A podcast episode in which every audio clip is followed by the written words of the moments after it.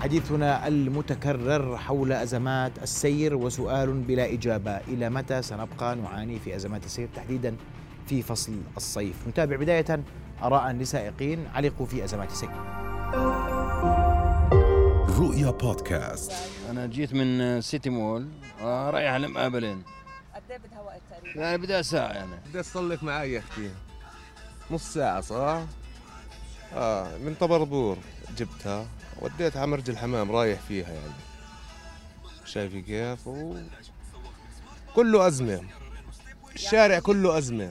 والله أزمة خانقة يعني كثير. مع الجو هذا كمان انحرقنا و- من وسط البلد لا سويلح بدها ساعة ونص ساعتين والله. قد إيه هلا لك هاي طاف السيارة كمان. يعني تقريبا ثمان دقائق واقف على الإشارة. وين طريقك؟ حوادث السير وقد إيه بتتوقع بدك كمان وقت لتوصل؟ بدي ربع ساعة. حديث أشمل حول هذا الموضوع مع ضيوفي دكتورة لينا شبيب وزيرة النقل السابقة. مساء الخير يا ستي أهلا بك. كما أرحب أيضا بالمهندس حازم زرقات استشاري في مجال النقل والمرور. أستاذي يعطيك العافية. الله يعافيك. آه وأنا دكتورة بدي أسألك سؤال. تفضل. إحنا اليوم بلشت الأزمات ترجع بشكل أكبر. إحنا عندنا أزمات على طول السنة. هذا متفقين. صح. لكن الأزمات اليوم بتزيد. وخلصت المدارس خفت الأزمة شوي ورجعت تزداد تحديدا في وقت الظهيرة وما بعد الظهيرة. صحيح. في أيام الصباح في أيام كان الصباح من المطار إلى عمان رحلة تستغرق ساعة وهي في الوضع الطبيعي بدها سبع دقائق لثمان دقائق. وبعدين؟ بصراحة يعني آه زي ما تفضلت الأزمات عم تزداد ولكن الأزمات هي ناتج طبيعي عن الحركة الاقتصادية والنشاطات اللي بنمارسها بشكل يومي.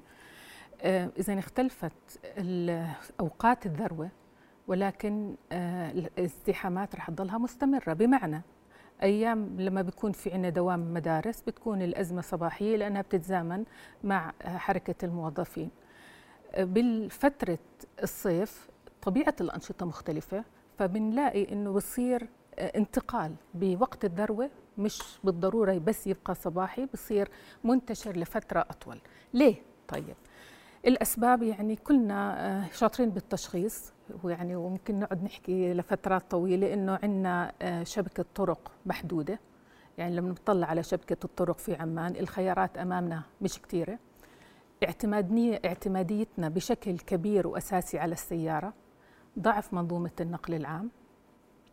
المواقف وإدارة المواقف يعني هلأ في المشوار اللي أنا إجيته عم بطلع على الطريق المؤدي للقناة عندنا مشكلة في الوقوف المزدوج. عندنا مشكلة تفضل قبل شوي زميل أو من أحد السائقين المواطنين عم بيحكي إنه إشارة ضوئية بوقف عليها 8 دقائق. الثمان دقائق قد يكون سببها حركة المرور الكبيرة وقد يكون سببها عدم توقيت الإشارة بكفاءة.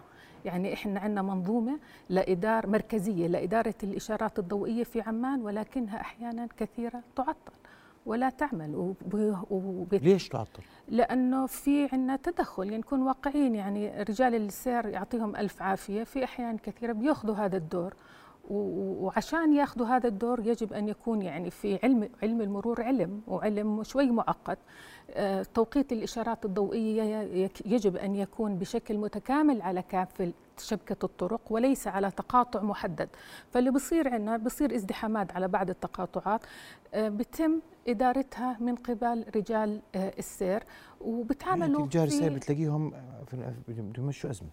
نعم طيب. هم بدهم يمشوا أزمة ولكن تمشاية الأزمة لازم يكون مبني على آه، معلومات مبني على قدرة يعني طول الطابور ها اللي بن- بن- بنلمسه في الصبح هذا له حساباته إحنا بنشوف يعني بالتليفونات وكل التقدير. يعني أنا ما بحب إنه يعتبر هذا انتقاد. هم زي ما تفضلت بدهم يمرروا الأزمة بس تمرير الأزمة أحيانا تخلق أزمة لأنك أنت بدك معلومات عشان تساعدك في حل هاي الأزمة المرورية. ففي عندنا العديد من المشاكل يجب أن يتم التعامل معها. أنا بأكد على يعني جزئية معينة. كلنا بنشوف ال- آه، الطريق اللي هي عبدون اللي بنسميها الطريق الداخلي في امانه عمان هذا حل مشكلة يعني صار يعطينا بدائل. آه، إذا بتطلع على كيف إحنا تعاملنا بتطوير شبكة الطرق. عملنا الحزام الدائري وما كملناه. بعدين انتقلنا لطريق عمان التنموي كمان ما كملناه.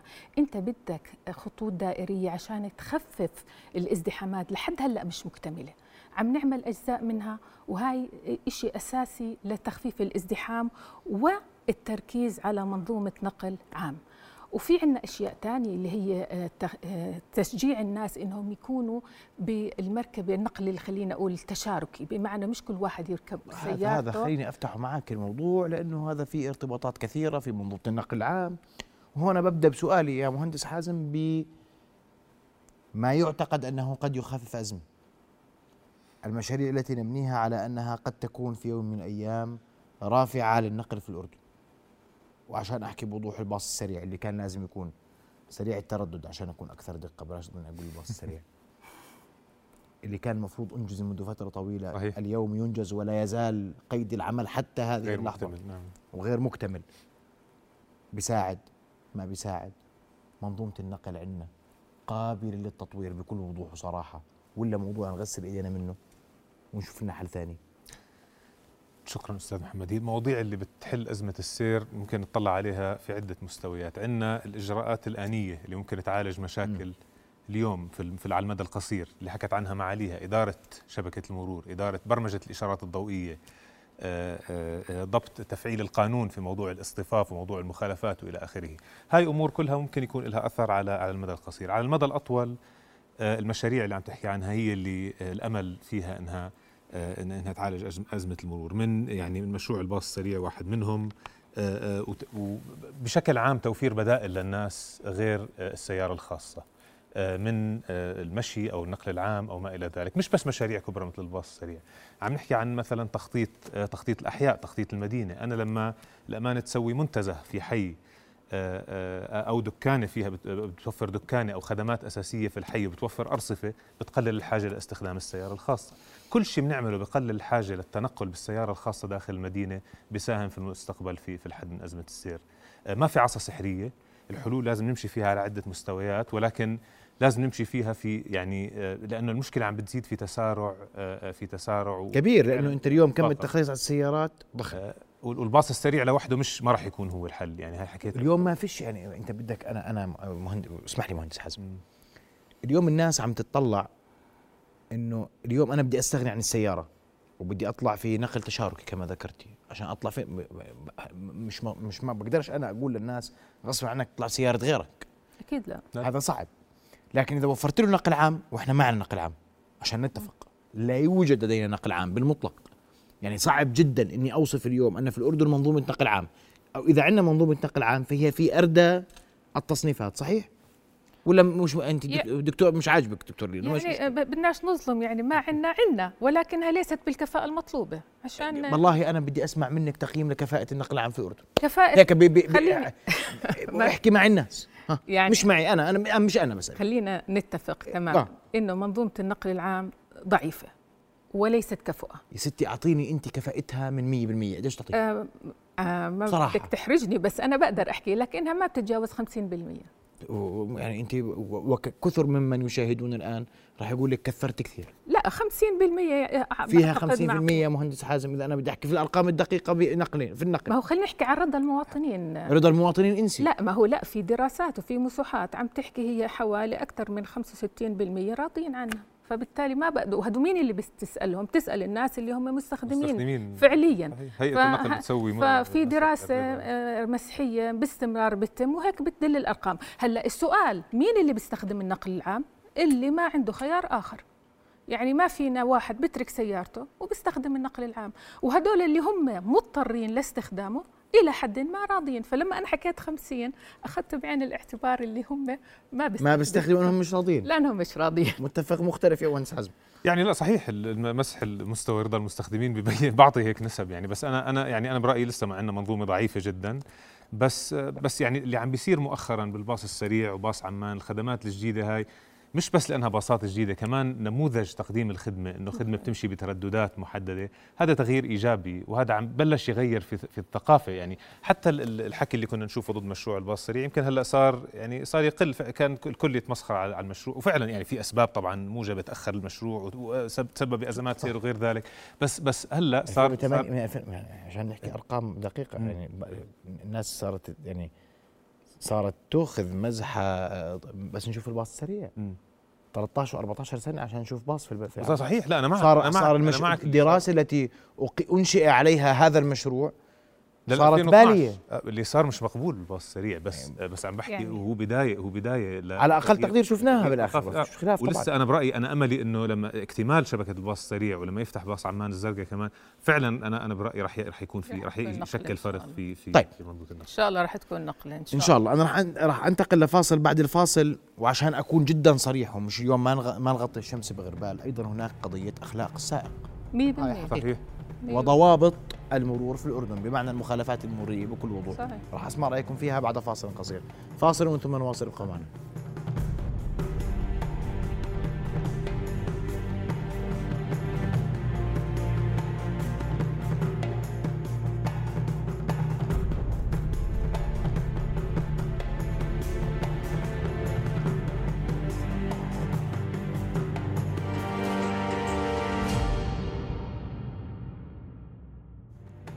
نواصل حوارنا وحديثنا حول أزمات السير وأنا قبل الفاصل قلت أنا ما بدي بدي أحكي بوضوح.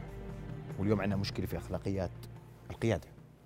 عندنا مشكلة في ضوابط وأنا بحكي هون بوضوح في المخالفات المرورية.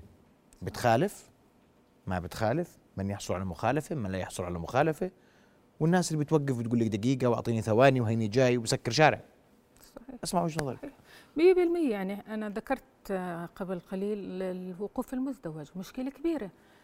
هو مشكلة المخالفات. هلا مشكلة المخالفات حددتها يعني أنا لا أنا برأيي إنه الوقوف المزدوج يجب أن يعامل معاملة الإشارة الضوئية والسرعة الزائدة لأنك أنت عم بتأخر المدينة كاملة عشان بس ما تمشي دقيقتين يمكن مشي أو خمس دقائق مش بالضرورة كل واحد يوقف سيارته أمام المقصد النهائي له يجب أن يكون هناك مواقف محددة. هلأ في واحد بيحكي طب ما فيش مواقف. وهذا حقيقة. صحيح. وهي حقيقة يعني طيب. ما ما فينا نحكي إنه آه، إحنا ما عندنا مشكلة مواقف. بس عندنا أراضي فاضية كثير عندنا أراضي فاضية. تذكروا قبل فترة لما في الصوفية كان هذا الإجراء استخدموا كل الأراضي الفاضية وحلت. جزء من المشكلة. فممكن أنه الاستعانة في الأراضي قطع الفاضي كمواقف والناس يلتزموا فيها. بس بالمقابل هاي حلول مؤقتة. أنت لازم يكون في عندك إدارة للمواقف إدارة للمواقف أساسية. بس خلينا نرجع للسلوك الخاطئ. عدم وجود المواقف آه، لا يبرر كمان الوقوف المزدوج وأحيانا مش مزدوج ثلاثي. بتلاقي إنه كل الطريق مسكرة ووجود الوقوف الخاطئ ترى مش مشكلة بس ازدحامات مشكلة سلامة مرورية لأنه في ناس لما بيقطعوا الشارع ما بتشوفها. فبالتالي من المهم إنه نتعامل مع بس إحنا مش كان في نقاط على المخالفات؟ و... نعم كان في نقاط وكان في نظام إنه إذا تجاوزت عدد من النقاط بحاجة التدريب في الأول وإذا ما آه، كمان استمريت في هالحكي يسحب الرخصة مؤقتا. ولكن للأسف آه، تم آه، إيقاف العمل فيه. وأنا بعتقد هذا شيء أساسي ومهم للتعامل هو سلوك المواطنين. يعني إحنا بنحكي على بنية تحتية بنحكي على تشغيل للبنية التحتية بنحكي على سلوك السائق وبنحكي على تأهيل السائق. يعني كل هاي بتخلق مشاكل مرورية. بدنا سائق مؤهل إنه يكون على شبكة الطرق السائق ملتزم بالقوانين أنا في في تصرفات لبعض لبعض ممن يقود علي سحب الرخصة فورا.